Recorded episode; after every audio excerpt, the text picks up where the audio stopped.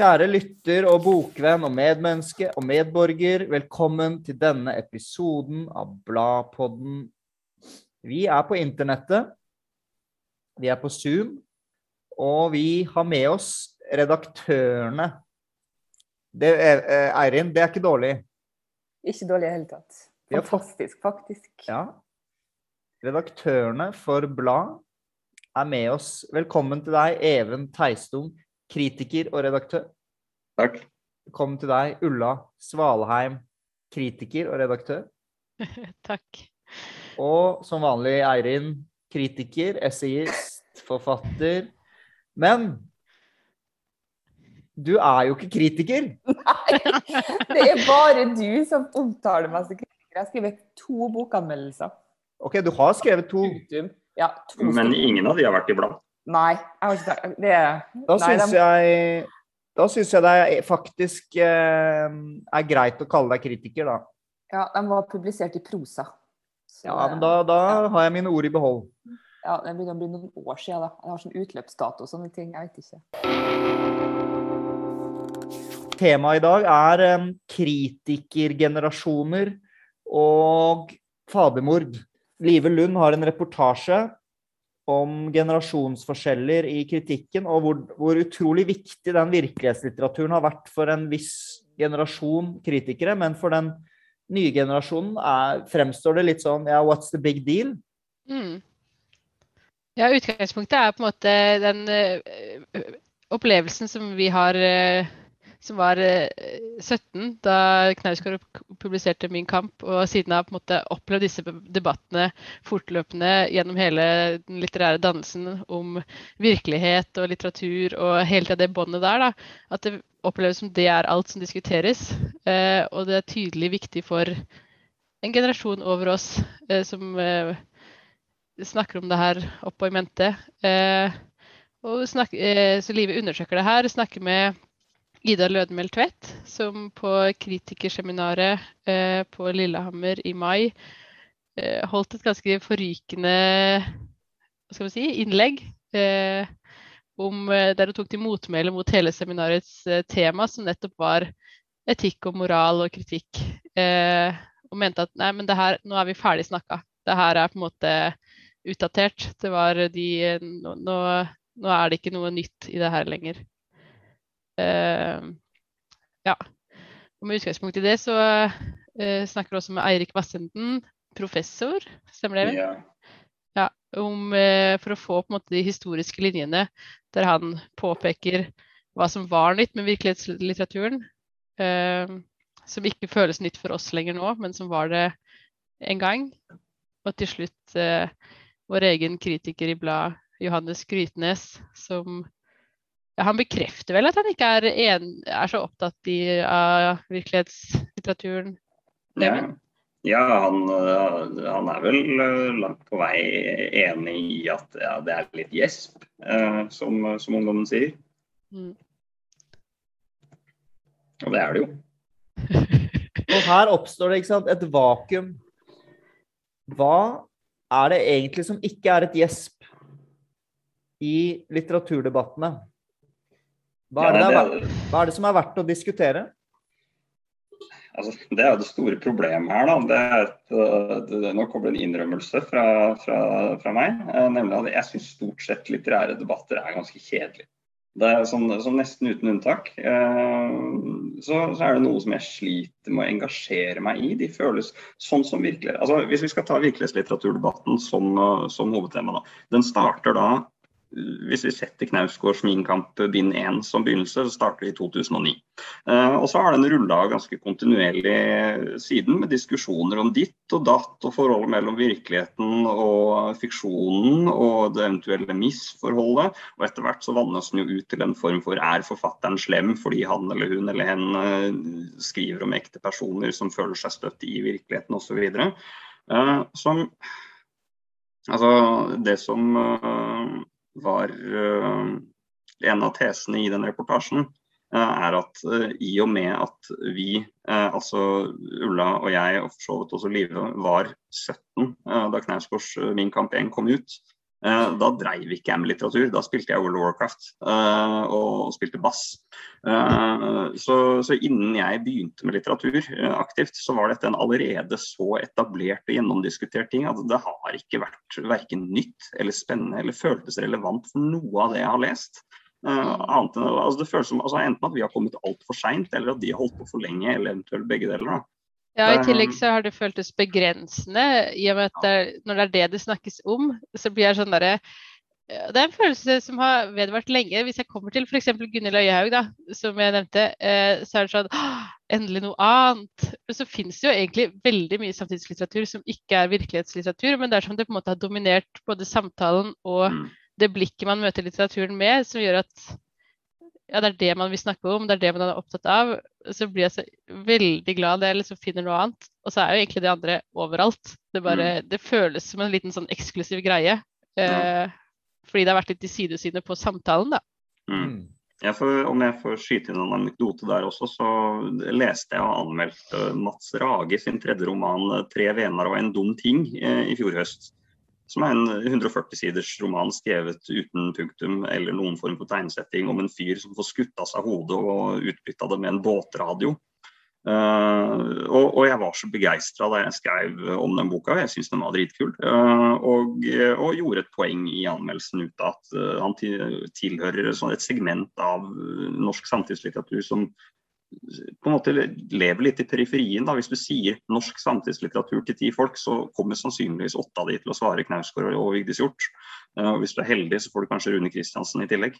Uh, men, uh, men et par uker etterpå så plutselig så anmeldte Mats Rage en bok av Odd V. Suren i Klassekampen hvor han gjorde et poeng ut av at Odd V. Suren jo er en sånn der snåling som holder til på siden av den norske litterære offentligheten og bla, bla, bla. bla. Uh, så For meg så opplevdes det som en sånn slags metakommentar til at ja, men vi finnes jo her ute. Det er jo en skokk av folk som driver med disse tingene og har gjort det kjempelenge. Det påpeker jo Vassenden også at uh, du må ikke glemme at Tur Erik Lund fins, og han debuterte i hva da, 1992 eller noe? Mm. Men han har jo på en måte ikke blitt skoledannende. Da. Det er jo kanskje der uh, forskjellen ligger. Han har ikke det. Og sist Jo, på sett og vis har han det, da. Ja vel. Du kan på en måte si dette er litt Ture Erik Lundsk. Mm. Men, men, den siste boken hans, den er jo um, uh, Der er det jo om han selv som reiser ned til Frankfurt, bokmessen. Mm. Så um, han òg har tatt steget sånn sett, da. Ja, men den skjener vel fullstendig av i ganske andre retninger, gjør den ikke det? Jo da. Og, og, og den ekteskapsromanen hans, um, den er jo også veldig mange vink til virkelighetslitteraturen. Men jeg har lyst til å fortelle dere om mitt forhold til Knausgård. Kom med det. Fordi at jeg var mye eldre enn dere da jeg, eh, da jeg da Knausgård kom med sin Min kamp. Hvor gammel er du egentlig? Jeg, jeg er 39 år gammel. Uh. Så jeg er ti år eldre enn dere pluss, eller? Minus. Uh, minus, minus. ja. Mm. Men jeg husker veldig godt at jeg forsto hvorfor Knausgård måtte skrive om noe som eh, Altså om virkeligheten, da, i anførselstegn. Og han beskrev også den leden ved fiksjonen. Og det har også han David Shields, som skrev 'Reality Hunger'. Han skildrer det veldig godt, hvor han bare Han ble Han kjente ikke lenger noe glede ved å lese fiksjon. Og akkurat det kjente jeg veldig igjen. Jeg, jeg slet med å, å bli begeistret for fiksjon, for det var liksom Dette er bare bullshit. Og så var det en ny energi i denne virkelighetslitteraturen som jeg eh, Og det, det, kjente jeg veldig igjen. Og jeg på et tidspunkt så jeg kan gå tilbake og lese i notatene mine fra den tiden og liksom Ja, dette er den eneste veien fremover. Vi, vi, vi kan ikke mer skrive fiksjon, osv., osv. Men Så uh, lyset, holdt jeg på å si? Ja Kanskje man kan si det sånn. Men jeg, jeg, jeg mener jo ikke det i dag i det hele tatt at eh, virkelighetslitteraturen er eneste veien fremover. Men jeg, jeg, jeg forst, det var liksom i tidsånden. så jeg, jeg, jeg forsto det veldig godt. Eh, Jeg var ikke så opptatt av disse debattene. Jeg bare mente at det var der energien lå i, i litteraturen, og for forfatterne. Det var, det var kun der det var spennende å gå, da. Mm.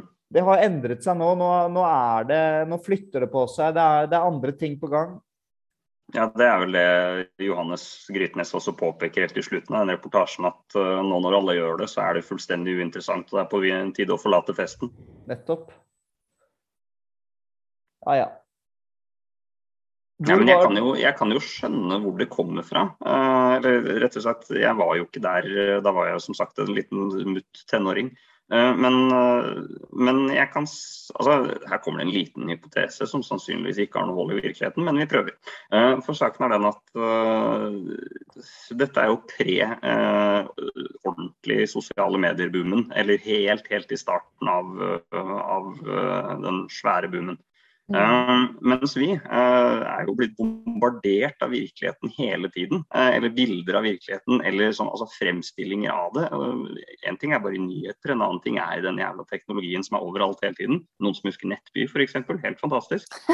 men bedre enn Facebook. og alle andre ting. Nei, nei. Men, men alt det her, altså Ideen om at virkeligheten skal være noe nytt og spennende i møte med fiksjonen, er på en måte Kanskje var det nødvendig. altså Knausgård skildrer det jo sånn, eh, så vidt jeg har skjønt, for jeg har ikke lest alt, uh, som at, at, eh, det var et behov for å liksom bryte med fiksjonalisering av den liksom dødfødte stasisen jeg hadde havna i. da, Men ja. nå er det jo egentlig snarere omvendt, som Ulla sier, da, den befrielsen ved å lese noe som er så tydelig fiksjonelt. Det er sånn som, altså På et vis Victoria Kielland også, selv om hun er et slags grenseland, siden hun jo, sånn som i mine menn, opererer med historiske hendelser, eh, selv om hun gjør på sin nær sagt hva hun vil med det. Um, så er det en sånn intens glede over bare ja, fiksjon. Ja. Jeg vil gå litt videre med den hypotesen, for du har jo um... Du har Ulla Frossa, forresten? Mm, nei. Jeg tror ikke hun har det. Hun dansa litt der nå. Ja, nei, er bare, bildet av Frossa er hos meg. Å oh, ja. Samme kan det være. Det er aldri det. ser meg nå. Nei, du bare Frossa. Det kan være. Mm. Jeg tror ikke jeg kommer til å, å, ha tid til å klippe bort det vi sier nå, så Nei, men, men Kjære lytter, jeg, jeg beklager det, men vi, vi, vi, kan ikke klippe like godt hver gang vi har episode, så dette må du bare høre på. Beklager. Um, men jeg skal bare, det er et eller annet, bare gå litt videre med den derre sosiale mediehypotesen til, til Even. Også, det er en ting at Um, altså den virkelighetslitteraturen, det sløret mellom hva som er, hva som er ekte og um, hva som er en slags erkjennelse, og hva som er fiksjonalisert, er litt vanskelig å, um, å finne ut av. Men mye av Jeg vet ikke om det nødvendigvis skal kalle det for arven, men hvis du leser uh, litteratur skrevet av, av uh, veldig mange som slutten av 20-årene, begynnelsen av 30-årene, som har vokst opp sammen med sosiale medier, er, som fikk det på videregående eller fikk det på ungdomsskolen, og har ikke bare vært vant til å se virkeligheten som en um, altså virkeligheten formidla gjennom teknologien, men de har òg vært vant til å flippe den virkeligheten til å se seg sjøl gjennom det samme filteret. Og det fører jo til en slags Og mulig at det her er, at jeg helt ut å kjøre her, men det fører jo til en, og en viss og ikke for å være veldig generaliserende, men en viss navlebeskuende, um, et navlebeskuende syn på, på verden. Um, og gjør òg at mye av den fiksjonaliserte litteraturen som blir, altså den, den fiktive litteraturen som blir skrevet, har et problem med det sløret som ligger mellom seg sjøl og virkeligheten, fordi at vi driver, vi driver, på en måte og vingler mellom og fram og tilbake mellom oss sjøl og mellom virkeligheten og hva som er viktig og hva som er uviktig. Og fordi at vi har på en måte vært i en sånn feedback-loop mellom oss, med oss sjøl til enhver tid i så veldig, veldig lang tid, hvor virkeligheten blir um, kuratert gjennom bl.a. algoritmer. Og det tror jeg utfår... um, det, får konsekvenser for mye av den litteraturen som blir skrevet. Og det, det legger du jo merke til hvis du har lest en del av den Tarjei Vesaas, eh, de som har vært eh, nominert til Tarjei Vesaas annet de siste årene. At det er åpenbare ting som Jeg vil ikke si at det ikke kan være fiksjonalisert, men noe av det ligger så veldig nære den åpenbare utspillelsen av virkelige hendelser at det er lite sannsynlig at det er en fiksjonalisert hendelse, mer enn at det er en gjenfortelling av noe som har faktisk skjedd. da. Her sitter vi og diskuterer virkelighetslitteratur igjen. Ja, det var det jeg tenkte. ikke sant? Nå er vi inne i debatten. Ja, nå har Fordi det har- Ja, Har det ikke alltid vært slik? Har det ikke alltid vært slik? Men Jo, men poenget mitt var, altså i motsetning til Knausgård, det her er det ikke, for at Knausgård og Vigdis Hjorth så hadde de store debattene om at en utlevert. Sant? Det er Ja. ingen som har blitt nominert til Tarjei Vesaas de siste årene som har blitt anklaga for å utlevere noen. Så det var, det var ikke poenget mitt her. Og det er en forskjell. mm. Jeg ehm, holder på å skrive en For de roman. har jo, det, er jo, det er jo fiktivt, det som har blitt skrevet. Ja, og broren min er kjemperedd for Slik jeg tolker han, da, han sier ikke det direkte, men han er sånn Ja, handler det om familiemedlemmer? Mm. Så Og da sier du Jeg sier ehm, Jeg sier nei. Altså, jeg har lyst til å fiksjon, Jeg har lyst til å skrive fiksjon, det kan jeg avsløre. Det er det som interesserer meg mest eh, i romanformen akkurat nå. Så kan det være andre steder man kan ehm, Men definere fiksjon, da. Altså, min Ja. kamp er også fiksjon. Nå er vi inne i debatten igjen! Den fanger oss! Den fanger oss. Vet du hva jeg Eller tror? du bruker for generelle termer. Ja. Jeg tror, ja, men jeg tror virkelighetslitteraturdebatten er Det er singulariteten. Det er det, er det eneste som fins. Det fins ikke noe annet. Den, har, den tar alt opp i seg. ja, men det er kanskje derfor den også er uinteressant, da. Altså, den, Ja, det kan, det, man kan si den er uinteressant, og da snakker man også om den. Det er det eneste vi kan snakke om. Det er som kapitalismen, den spiser alt den Ja. får foran seg. Men dere, eh, hvem, hvilken forfatter er det jeg eh, quoter nå? Syk blir en av ropet om virkelighet.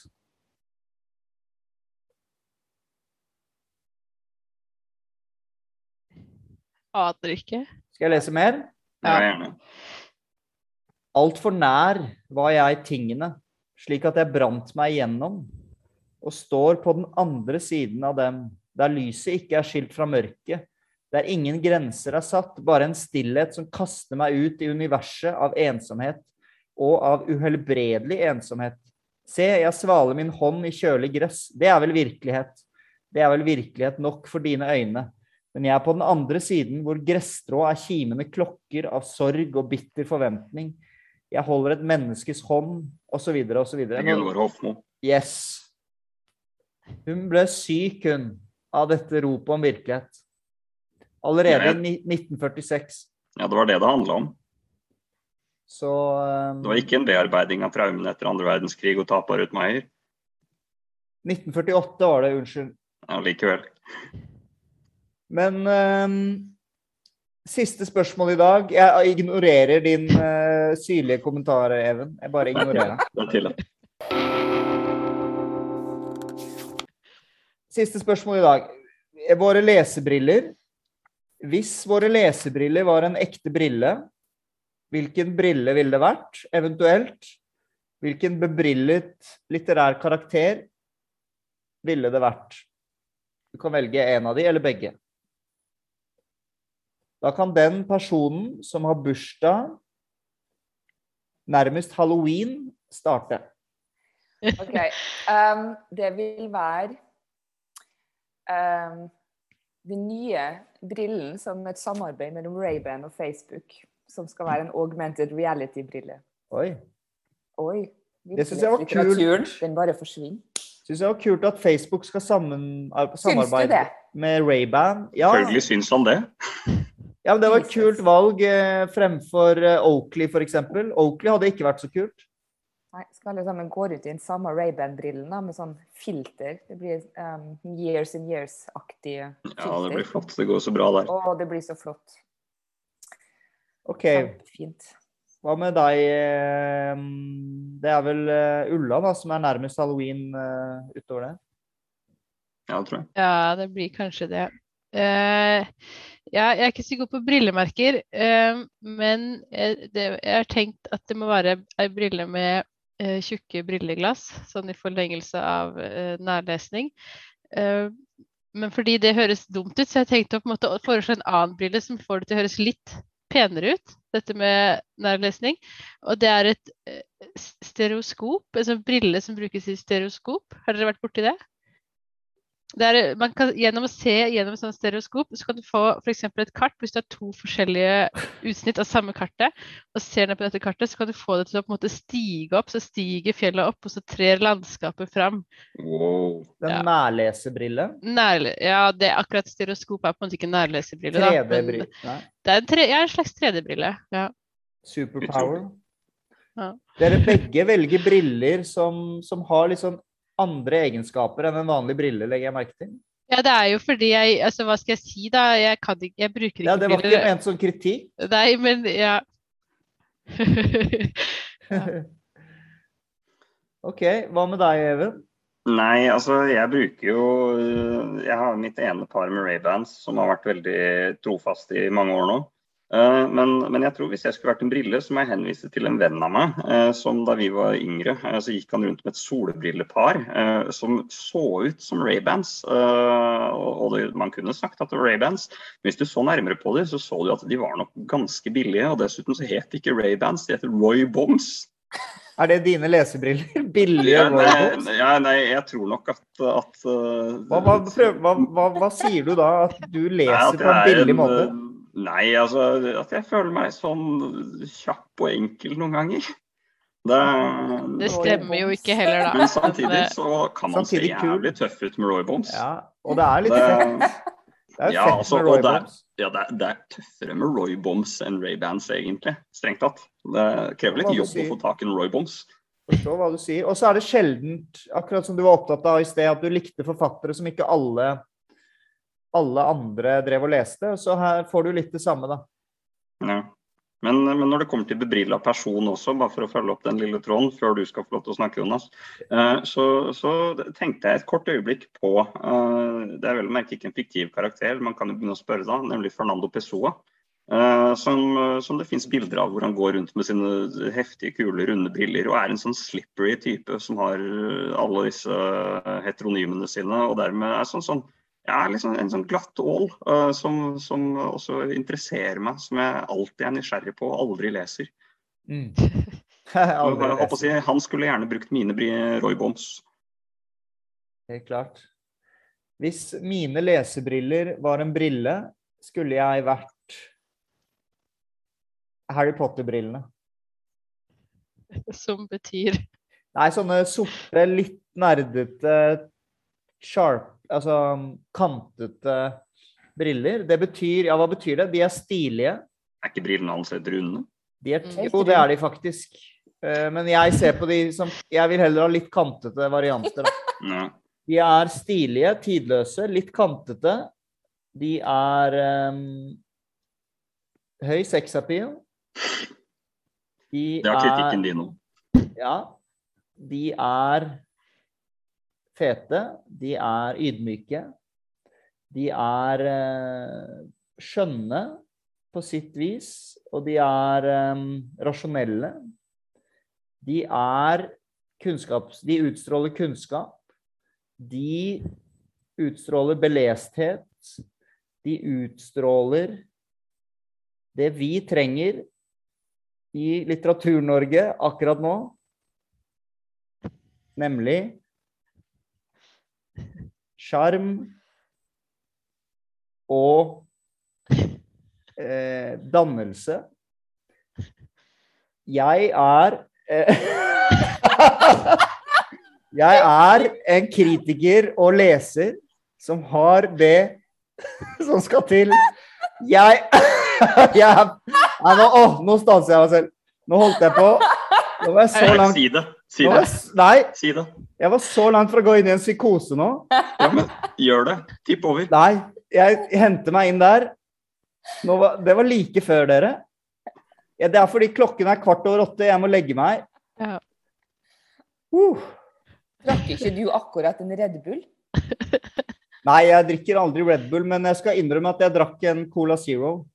Ja, det var det det var, ja. Mm. Er det den nye? Ja. Alltid on the forefront.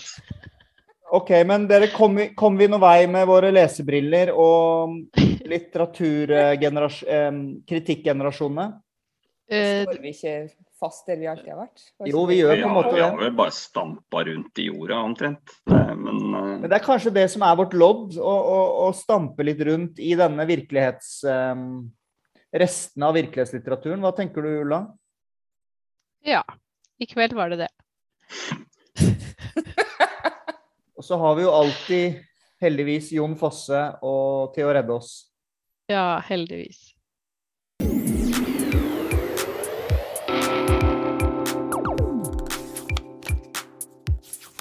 Men vi kan starte med altså, hva slags litteratur er det vi har en forkjærlighet for? Som vi på en eller annen måte favoriserer? Som om det var eh, Som om vi hadde da like mange barn som eh, Kristin Lavransdatter, men vi favoriserte ett av de. Ja, hun liker det første best. Ja. Så hvem er vår førstefødte i litteraturen? Går det an å prøve å si noen ord på det? Si noen ord om Og der gikk preposisjonene helt av skaftet. Kan vi si noen ord om det? Da foreslår jeg at den som har bursdag senest på året, starter. Oi. Ja, det er jo fryktelig vanskelig å si noe om. Eh, og for å begynne i det helt generelle, uh, så liker jeg, eller jeg har forkjærlighet for den litteraturen som har en særegen språklig, litt rar oppfinnsomhet. Det merker jeg at der, eh, der blir jeg fort solgt, altså. Uh, Mona Høvring, Gunhild Øyehaug, eh, gode eksempler. Mm. Ja. Når, når Ulla nevner Mona Høvring og Gunhild Øyehaug, eh, synger det i hjertene deres da, Eirin og Even, eller eh, kjenner dere ingenting, eller vil dere holde det hemmelig? Eh, Jeg kan vedkjenne at eh, det er ikke så mange følelser som pipler opp til overflata. Jeg har faktisk ikke lest Mona Høvring. Så, eh, så da det er ikke så mye å, det er ikke så mye å gi. Same. Altså, jeg, jeg har ikke lest eh, Høvring, eh, men jeg har jo gjentatte ganger notert meg Ullas begeistring uh, for. Eh, men eh, når det kommer til Øyhaug, så har jeg lest litt her og. Hun er enig jeg er ganske nysgjerrig på, men aldri har kommet i gang med å lese. Det, så det, hun, hun står på, på den evige lista mi. Det jeg har prøvd, er noen av mikroessayene hennes i den miniatyrlesinga, tror jeg nett, men det vet jeg ikke, det fikk jeg ganske lite ut av, dessverre. Men det er jo sånn som Victoria Kielland vil jeg også Det er ikke så rart, men det er veldig sånn språklig eh, sterkt og altså Styrken ligger på en måte hovedsakelig i den veldig intense prosaen. Ja. det er jo Even fullstendig enig i at var kjempebra. Ja, det, det har du helt rett i. Det, men Victoria Kielland er jo strengt tatt en poet som skriver prosa. Sånn, eller man kan si det sånn. Det er på en måte Der er jo jeg vet ikke, setningsflyten av alt. Men jeg jeg, kom meg ikke gjennom sist. Jeg prøvde å lese i Lyngen av Kielland Mm. sist uke, eller uka før det. Eh, Da ga jeg bare opp. Mm. Ja, det er den stiveste av bøkene hennes. altså Det er på en måte det, det råeste utkastet Ja, til det. jeg skal lese, jeg skal lese den, men jeg gleder meg faktisk til å lese den. Mm. Um, Ja, nei, for jeg, jeg opplever bare sånn, altså Apropos Kielland, at det er sånn en verden som du bare blir liksom sånn kvelt i, nesten. Altså, det, det er sånn, Du blir ikke bare dratt inn i den, men du blir liksom sånn slukt av det. Eller i hvert fall jeg blir det. det så, men hun er jo til gjengjeld altså, nokså særegen i, i landskapet. Da. det er det språklige du trekker fram, Ulla. Ja. Og jeg skjønner, er jo- veldig, skjønner veldig godt hva du mener der. At det er em, denne Er det stemmen? Er det litt det du leser etter? En, er du en stemmeleser? Ja, kanskje det. Heller stemmeleser enn uh, historieleser. Uh, eller sånn altså som i Plott. narrativ og plott, ja. Mm. Ja. Mm. Jeg skjønner veldig godt hva du mener. Det er akkurat som om hvis ikke stemmen er på plass, så blir man litt likegyldig. Med mindre Dette er bare for meg, da. Med mindre det er veldig spennende. Det er det liksom det andre som kan løfte det. Mm. Men, eh, men jeg vil alltid respektere stemmen høyest? Ja, ja, for hvis jeg får lov til å følge opp uh, med litt hva jeg har tenkt sjøl, eller egentlig hva som jeg kom på nå i forlengelse av det Ulla sa, uh, så er det at jeg ofte tar meg til å tenke at jeg leser personer og ikke etter liksom spesifikke historier eller spesifikke språktyper, men jeg henger meg opp i forfatteren, rett som det er. Uh, både liksom, altså, Hvis man går tilbake i historien, så forfatterens eget liv. altså tenk Kafka f.eks. Utrolig interessant skikkelse, uh, også som biografisk subjekt. Men, uh, men også en eller annen form for egenrådighet. som kan gå både på det språklige eller valg av tema eller sånn altså format, så å si. Det, tenk på Pål Norheim, da, en av mine absolutte, absolutte favoritter det er ganske, hvis man ser på det overfladisk, tørre, korte esaistiske mm. tekster. Eh, men det spraker av de.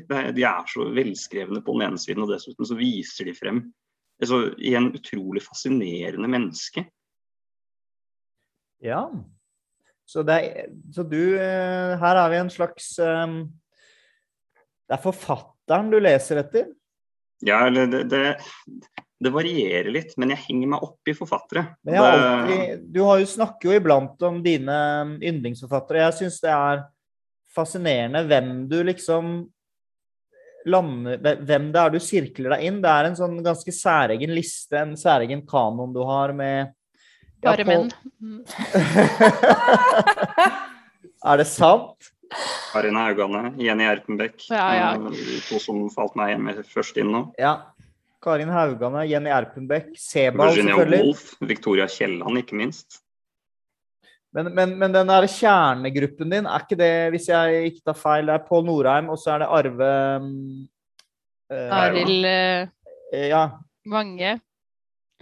Arild Vange, men, men uh, ja, men Arild Vange er mer denne ene spesifikke boka. Altså 'Liv i luftene'. Det er sånn, altså, okay. jeg, jeg, verdsetter poesien hans også, men, men, for meg er det den uh, prosaboka ja. som er helt far out.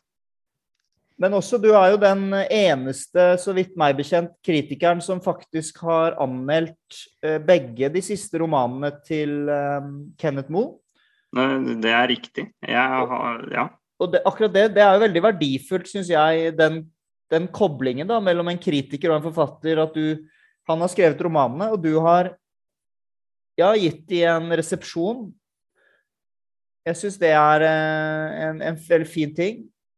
Ja, jeg, jeg syns jo det selv. Det, det, har i hvert fall vært veldig givende for meg å følge forfatterskapet. Uh, det og, og liksom Altså, det er et forfatterskap jeg kjenner utrolig godt, fordi jeg leste 'Rastløs' da den kom omtrent, og har fulgt den ganske tett siden da. Uh, og, og, av en eller annen grunn så har jeg investert meg veldig i det, sannsynligvis litt fordi her er den siste grunnen til hva jeg ser etter når jeg leser.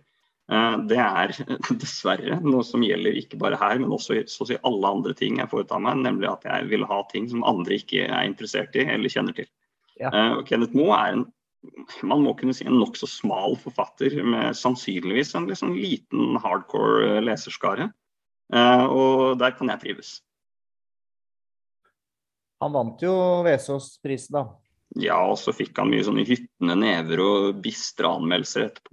Ok, okay nei, men nå er jeg spent. Eirin, hva, hva, er det du leser etter? Eh, hvem, hvem er din førstefødte? Jeg, greier, jeg greier ikke svare på det. Um, men det, er, det, må være på engelsk, si. Ja. um, jeg er nok mer en historieleser. Ja. Absolutt. Um, altså, språket må være på plass, det, altså, det, må, det, er Men um, og så er det ikke sånn at det nødvendigvis må være sånn veldig veldig plott-tungt heller. For jeg leser jo aldri, jeg leser aldri krim eller science fiction eller fantasy for den, den saks skyld. Men jeg liker at det er et eller annet som skjer. Jeg liker masse dialog. Jeg liker at karakterene um, At det ikke er bare internalisert. Det er faktisk noe det, det skjer noe mellom karakterene i måten de prater på. Um, en interaksjon. Ah. Og, um, og, i det så er det jo veldig mye spesifikt språk, for du må jo sette deg inn i hvordan det muntlige um, er forskjellig fra, fra bare tanken. Um, er du glad i dramatikk? Ja. jeg er jo det. Og jeg tror kanskje det har litt noe om at jeg er veldig glad i, i essayet. For essayet òg er jo I hvert fall mye av det um, Altså moderne essayet er jo veldig ofte um, altså Det på en måte blør jo inn i, inn i reportasjen veldig ofte. Men nå, nå skiftet du, eh, så vidt jeg kan skjønne, helt felt. fordi først sa du det mellommenneskelige. Ja, men jeg skifter ikke felt. For det er det jeg prøvde å si nå. Og det er derfor jeg liker Altså, det, det, altså, det essayet som minner om reportasjen, ja. Har en fremdrift. Det er fortelling, den vil noe, den vil si noe. Um, den har karakterer. Det er ofte òg en tydelig interaksjon. Synes, okay, okay. Mm, så det, det er skifta ikke helt spor. Skjønner. Ja, det er interessant. Um, så du leser mm. for mellommenneskelig interaksjon er i hvert fall ett av stikkordene dine? Ja, men den interaksjonen kan være mellom karakterene og omverdenen òg. Um, og igjen, da er vi selvfølgelig Kan det være en Det kan jo være en sånn forholdsvis plottløs roman, blir det da. Hvis, det, hvis det, forholdet til omverdenen blir internalisert i det at en bare går og dveler på det til enhver tid. Men jeg synes det er veldig artig når en plukker opp en tråd, og så begynner du plutselig å diskutere det som skjer rundt deg med en annen karakter. Det liker jeg veldig godt. Mm. Mm. Nice. Du da, Jonas? Åh. Jeg, altså, jeg blir glad hver gang folk spør meg om sånne ting. Um, jeg, jeg, jeg, veldig, jeg, kjenner meg veldig igjen i det du sier, uh, Ulla. Mm. Jeg også er på den stemmen, altså den, den, den, den, litteraturen som virkelig når hjertet mitt, da, det er stemmelitteratur. Språket treffer meg. Og gjerne at du merker at forfatteren skjønner at han eller hun er en forfatter, og at dette er litteratur. Og at man ikke prøver å, å etterligne virkeligheten. Mm. Fordi det for meg blir veldig fake. Hva mener du med å etterligne virkeligheten? Nei, det, er en, altså det, det som blir altfor sanselig og liksom bare skal være Skildringer?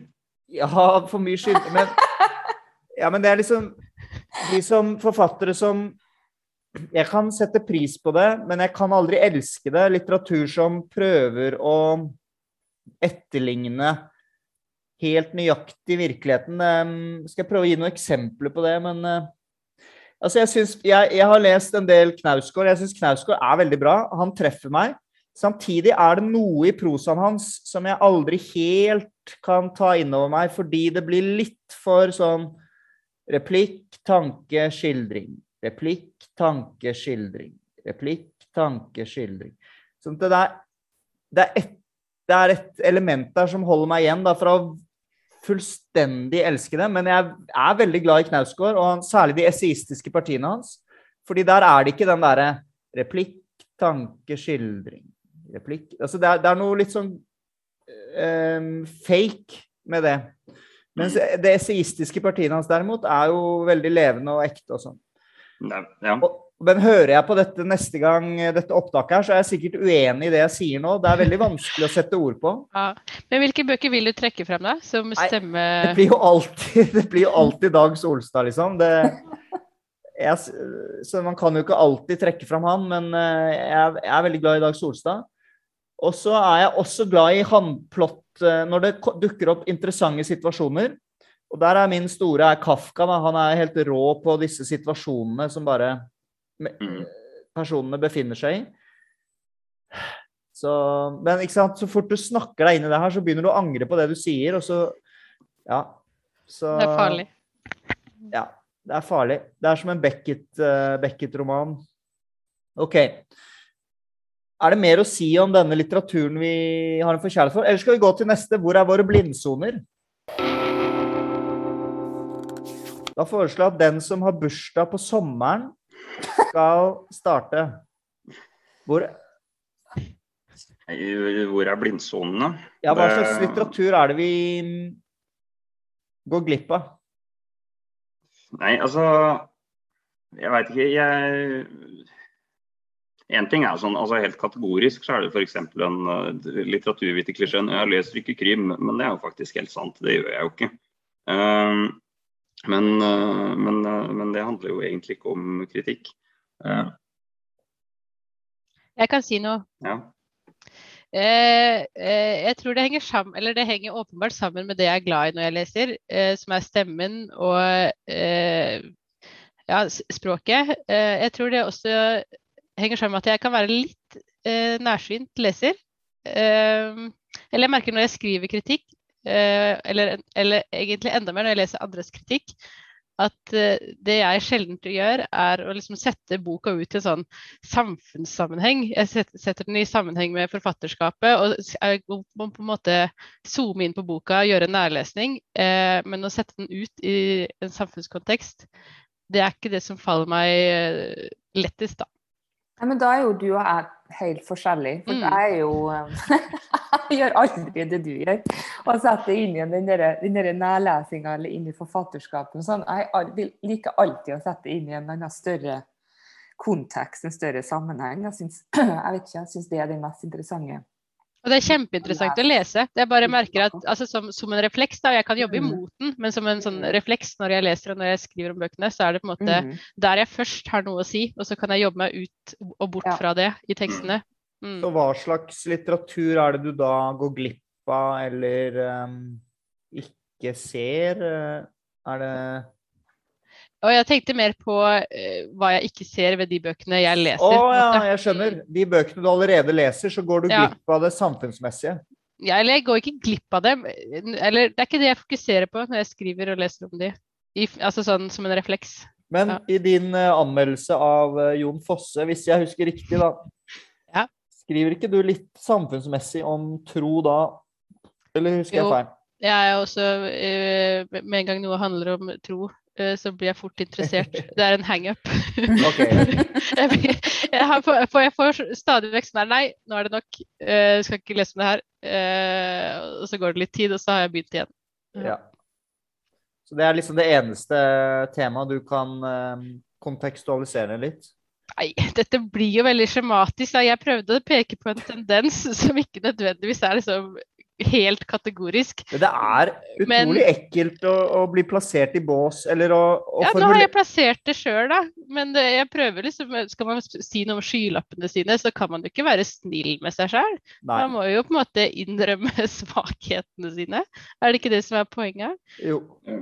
Men hvis jeg får lov til å følge opp uh, apropos din hang til nærlesning, så føler jeg kanskje at jeg, som Eirin også sa, er litt motsatt. At jeg har litt lett for å hoppe fra liksom altså Jeg har jo dessverre en litt sånn skjematisk måte å skrive på. At jeg begynner med en eller annen form for sånn anekdotisk introduksjon, deretter en ganske kort oppsummering av plott. Og så kommer det en del sånne store spørsmål hvor jeg sånn Boka inn i samfunnet, uh, som regel. Uh, og, og, så tenker jeg sånn ah, nå har jeg gjort jobben min. Uh, men, men, men, det tar meg jo gruble på av og til, er liksom sånn ja, men hvor ble det av nærlesninga? Hvor ble det av liksom de, presise nedslagene, f.eks. Og det, er sånn Det kan jo hende de er der, jeg får jo virkelig håpe det. Men samtidig så er det den, den kanskje hele følelsen man sitter igjen med av at det, det, ene nesten går på bekostning av det andre, når det egentlig ville vært gode supplementer til hverandre. Da. Mm. Ja, det, jeg syns det er kjempeinteressant å lese de her samfunnsanalysene jeg ikke alltid får til sjøl. Fordi det blir jo mm. nettopp som et supplement til, ja, til det, da. Mm. mm.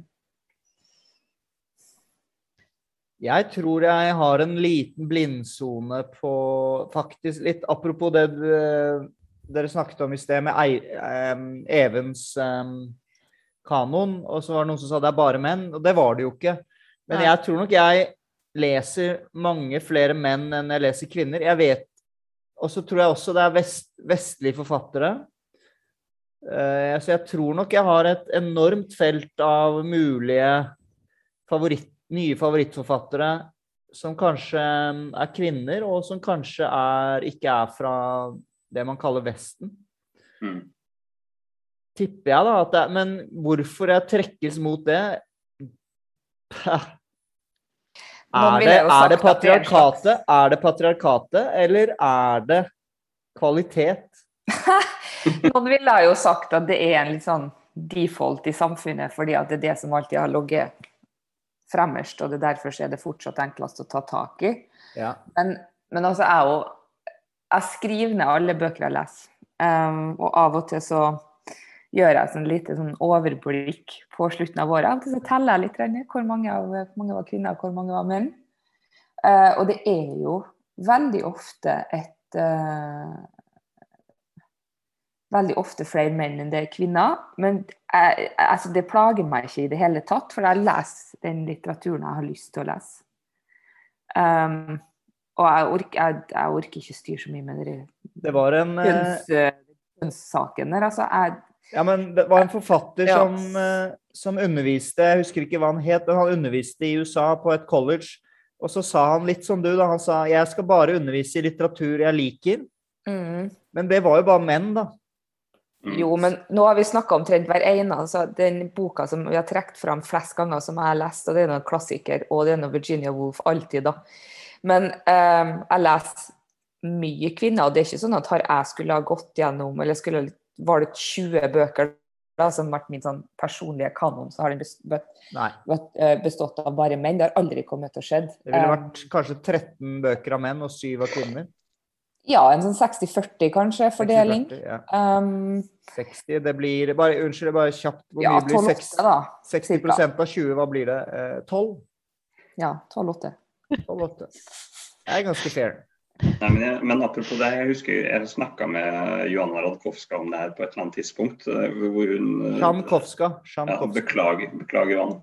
Eh, men, men hun påpekte det at, at at det er et arbeid. At det faktisk krever litt å bryte opp av den kanonlesninga som man gjerne sitter i. da. Og for kanon er jo 90% menn, hvis ikke enda mer. Altså 98, husker jeg ikke. Eh, men, eh, men, det krever sin innsats på samme måte som det krever sin innsats å fordype seg i andre sjangerfelter. F.eks. Mm. si at du skal sette deg inn i sci-fi-litteraturen. Du kan jo selvfølgelig bare begynne med å plukke opp en bok. Eh, men samtidig så er det jo et vell av litteratur der som igjen er delt inn i subkategorier osv. Så sånn som Uh, som selvfølgelig til gjengjeld er en helt annen og spissere måte å fordype seg på enn det å variere variere nei, kjønnsbredden. Da. Men, uh, men, men, jeg tror altså, for utrolig mange tror jeg det handler om mangel på bevissthet og latskap. og gjerne i en god kombinasjon. Så det å rette et mistankens blikk på sitt eget um, sin egen intuitive lesevaner kan være bra, da, høres det ut som? Ifølge Johanna, og ifølge Ja, syns dere det høres bra ut? Ja. Men det gjelder jo det meste, da. Ja, altså for, for å henvise til, eh, til, en eh, tekst i det kommende nummeret av bladet, altså septemberutgaven, eh, så er det en lang tekst om Theodor Adorno der, hvor det siteres et eller annet om at enhver tanke må alltid også møte sin motsetning et eller annet sånt noe, fordi Hvis ikke så stivner den i en form for uh, intellektuell latskap eller uh, forglemmelse som er tilsvarende fascisme. Uh, det er forferdelig dårlig og fra, fra den dårlige hukommelsen parafrasert. men, men, helt banalt sett så er det jo i det at, at man burde alltid egentlig være jævlig skeptisk til sine egne vaner. Ja. Jo, definitivt. Men jeg leser jo masse om teknologi og mye klima- og miljølitteratur. Mm. Og der er det, det, er ikke, altså, det er ikke til å stikke under stol at det er for det meste. Jeg prøver liksom å Nå, nå har jeg lest to bøker da, skrevet av kvinner om teknologi. 'Ensomhetens århundre', og så har jeg lest 'The Ghost in the Machine', hva det var den het. Um, og begge skrevet av kvinner. Um, selvfølgelig handler jo det om døden og ensomheten, mens de bøkene jeg leser om teknologi som ikke går sånn følelsesmessig inn i mennesket, som er veldig sånn teknisk, de er nesten utelukkende skrevet av, av menn. Det er jo den um, jeg, husker, er, ja. jeg, jeg, husker jeg fikk så pepper da jeg var med i en debatt om Jordan Peterson. Så sa jeg at Den på blå? så sa jeg at det finnes en undersøkelse som viser at menn i gjennomsnitt er mer opptatt av ting og kvinner er mer mm. opptatt av mennesker. Eh, men det fin eh, altså, Du kan sikkert kritisere den undersøkelsen, men det er litt det du peker på her, um, anekdotisk da, i litteraturen, at. Jo, men altså det der Hvis du ser på statistikk og hvor mange eh, kvinner som jobber innen IT da, versus menn, så er det jo Jeg tror det er en sånn jeg tror under 20 da, som er kvinner, ikke sant, resterende menn. Så det er, ikke, det er, ikke, så overraskende at den litteraturen om den tematikken er flere har, at det er flere menn som har skrevet den, og fordi at de har blitt trukket imot det. det Ingeniører har jo Men altså, vi ser jo et skifte, da. Det er et skifte som skjer nå. Det skjer det i form av eh, altså det, Når kanoen fra det våre, når denne kanoen som fra vår tid skal eh, gjøres opp om 50-60 år, så vil jo den se dramatisk annerledes ut enn den gjorde i 1920. Så det er, og det er jo en utelukkende positiv, bra ting. Men vi vil starte med hva vi leser for tiden. Og da foreslår jeg at den som har bursdag tidligst på året, kan starte. Jeg har bursdag i april. Ja, desember. Oktober. Juni. Oi, da må jeg starte. Det pleier jeg aldri å gjøre. OK. Jeg leser fortsatt det samme bindet av eh, 'På sporet av den tapte tid' av Marcel Proust. Og jeg, vi la jo ut på Instagram-kontoen til Bladpodden, eh, så var jeg veldig begeistret. Men nå har jeg lyst til å lage en ny post hvor jeg ikke er så begeistret. For jeg, jeg har liksom kommer, jeg, jeg kommer meg ikke videre. Jeg får ikke lest nok, og det er ikke tilfeldig. Jeg, den krever at du må liksom sette av tid. Den går ikke automatisk. Jeg har begynt å lese krim. Jens Lap, Lapidus, jeg vet ikke om han uttaler det, han svenske. Jeg leser Jonas Eika-novellene. De er kjempefine. Jeg leser Altså, det er ikke måte på hva jeg leser. Aina Basso. Um, men jeg kommer meg ikke videre med Prost. Så, og det er Prost sin skyld, ikke min skyld. Så vi får ta den, uh, gå inn på det senere. Hva leser dere? Uh, det tror jeg var juni. Det var vel Even? Stemmer. Um, nei, apropos kritikerskiller og sånne ting, så føler jeg jo det jeg leser nå røper meg litt. Um, for um, det jeg leser er en bok jeg kjøpte i dag, uh, som jeg har venta lenge på. som har sin opprinnelse på Instagram. nemlig boka 'Crisis Zone' av den tasmanske tegneserieskaperen Simon Hanselmann, eller Simon Hanselman, eller hvordan man skal si det.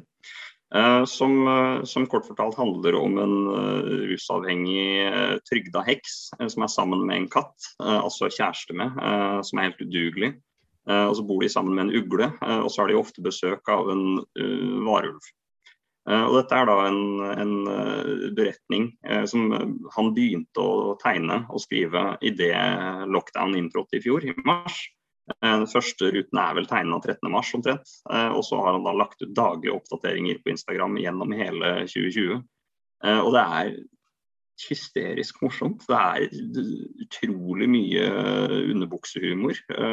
Og beksvart humor og mye triste og traurige greier. Jeg skrattler og har det kjempegøy. Men På siden av det så leser jeg også en, en bok om tysk historie. Uh, litt sånn overordna. Den heter 'Tysklands historie'. Jeg hadde en litt sånn uh, ikke-korser-historikeren uh, Bjørn Nistad.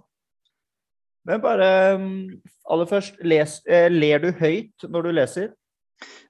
Stort sett ikke, men når jeg leser Hanselmann, så gjør jeg det. Ja.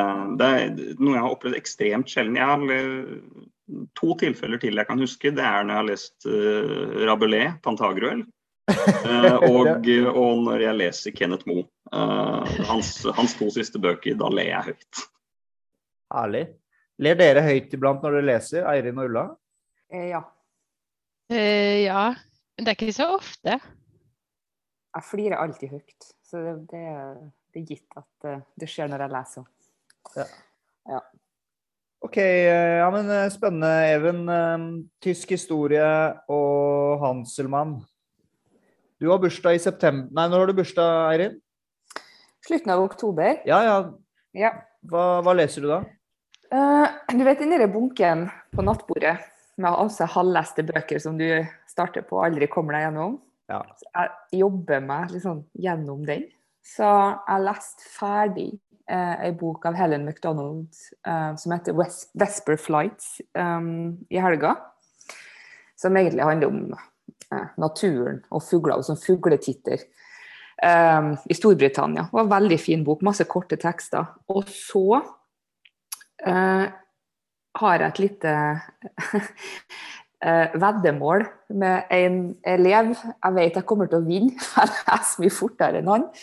Men jeg skal, eh, bare for å være litt behjelpelig, så leser jeg eh, Beatles av Lars Saabye Christensen sammen med Så jeg begynte på den i går. Eh, og jeg har ikke lest den på ti år, kanskje. Eh, og den er like fin som jeg husker at den var. Det Da flirer jeg høyt. en ekte klassiker. En ekte klassiker. da Dagbladet hadde sånn beste 25 romaner-kåring for en del år siden, så kom ikke den Den nådde ikke opp, men den vant publikumsavstemningen. Det høres riktig ut. Ja, det høres veldig riktig ut. Den er jo ikke sånn Det er jo ikke, det er jo ikke stor filosofi, det her, men det er en fantastisk fin fortelling. Det er Ja, ja, ja. Mm. Litt lang. Nei. Så gi deg. Jeg leste den er veldig fin å lese. Jeg leste vel en 130 siden bare i går kveld. OK. Ulla, du har bursdag i desember. Mm, det stemmer. Hva leser du for tiden? Jeg, I teorien så holder jeg på med eh, Sigrid Undset sin trilogi om Kristin Lavransdatter. Gjør du det? Eh, er midt i andre bok, 'Husfrue'. Eh, For moro synes er- Ja, for moro skyld. Og det er helt fantastisk. Nå har Kristin akkurat vært gjennom en haug med fødsler og er ganske prega. Eh, så det er jo ikke moro, men eh, spennende lesning. Men det er Jeg tror det nesten er en måned siden jeg leste den sist. Eh, jeg har lest tre kritikerbøker i, eh, siden sist, og det jeg egentlig leser for tida, er barnebøker eh, med sønnen min. Mm. De går det fem av om dagen, minst. Så det er på spørsmålet hva leser jeg for tida, så er det det som er det mest Uff. Så her har vi en, en, en Sigrid Undset-trilogi som Inni den trilogien befinner det seg tre kritikerbøker og fem barnebøker om dagen. Det er ganske mye, det. Det er mye lesing, men lite, lite fritidslesning, holdt jeg på å si. Mm. Ja. Er det din skyld eller Undset sin skyld, eller er det omgivelsenes skyld at du ikke har lest mer Undset? Jeg vil skylde på tida, altså. For jeg, når jeg leser Undset, så koser jeg meg veldig. Ja. Uh, det her er lystlesing de Hun er sterk. Hun er sterk. Hun er det. Mm.